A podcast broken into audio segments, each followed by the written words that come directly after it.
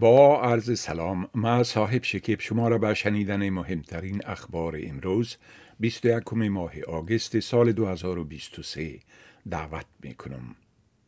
استرالیا بیش از 200 میزایل کروز تاماهاک را برای نیروی خود به قیمت 1.7 میلیارد دلار خریداری می کند.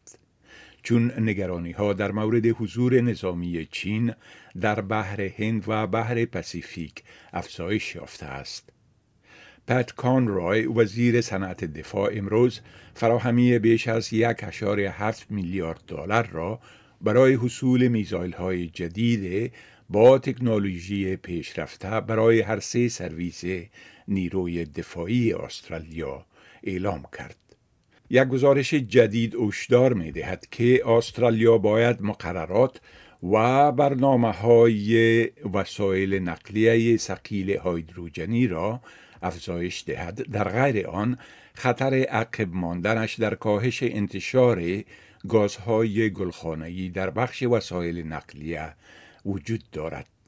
بررسی های مؤسسه تحقیقات علمی CSIRO که امروز نشر شد به استرالیا توصیه می کند که هایدروژن را به عوض تانک های تل یا پترول استیشن در محلات مرکزی تولید کند تا قیمت ها را کاهش دهد و برای انتقال این ماده سوخت جدید در تانکرهای فایبر کاربونی سرمایه گذاری کند.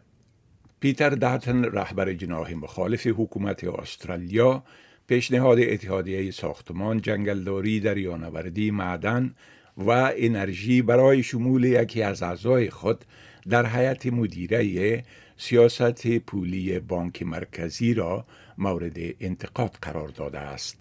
آقای داتن به رادیوی جی بی تو گفت که عضویت یکی از مقامات این اتحادیه در حیات مدیره بانک مرکزی استقلال این بانک را تهدید خواهد کرد و تورم را بلند خواهد برد. یک نظرسنجی جدید توسط پوهنتون تکنولوژی سیدنی نشان می دهد که 90 فیصد از پناهندگان سوریایی و عراقی که پس از جنگ در کشورهایشان به استرالیا آمدند از زندگی در این کشور بسیار خوش هستند. نظرسنجی نشان می دهد که این پناهندگان می خواهند طبعه استرالیا شوند و به آینده خوشبین هستند و می گویند که زندگیشان در طول چهار سال گذشته بهبود یافته است. حکومت طالبان اتهامات پاکستان در مورد ورود ترورستان از خاک افغانستان به آن کشور و دست زدن به حملات را به اساس خوانده است. فسیح الدین فطرت لویدرستیز نیروهای مسلح طالبان در یک کنفرانس مطبوعاتی در کابل گفت که اگر ترورستان از خاک افغانستان به پاکستان داخل شوند محافظین سرحدی این تحرکات آنان را مشاهده کرده و در سرحد درگیری های صورت خواهد گرفت در حالی که چنین نیست او گفت نظامیان پاکستانی در تأمین امنیت کشورشان ناتوان هستند و نمی توانند کسانی را که امنیت را در پاکستان خراب می کنند دستگیر کنند. دنمارک 19 جت جنگی F-16 را به اوکراین خواهد فرستاد و اولین دسته از این تیارات در سال جدید میلادی وارد آن کشور خواهند شد.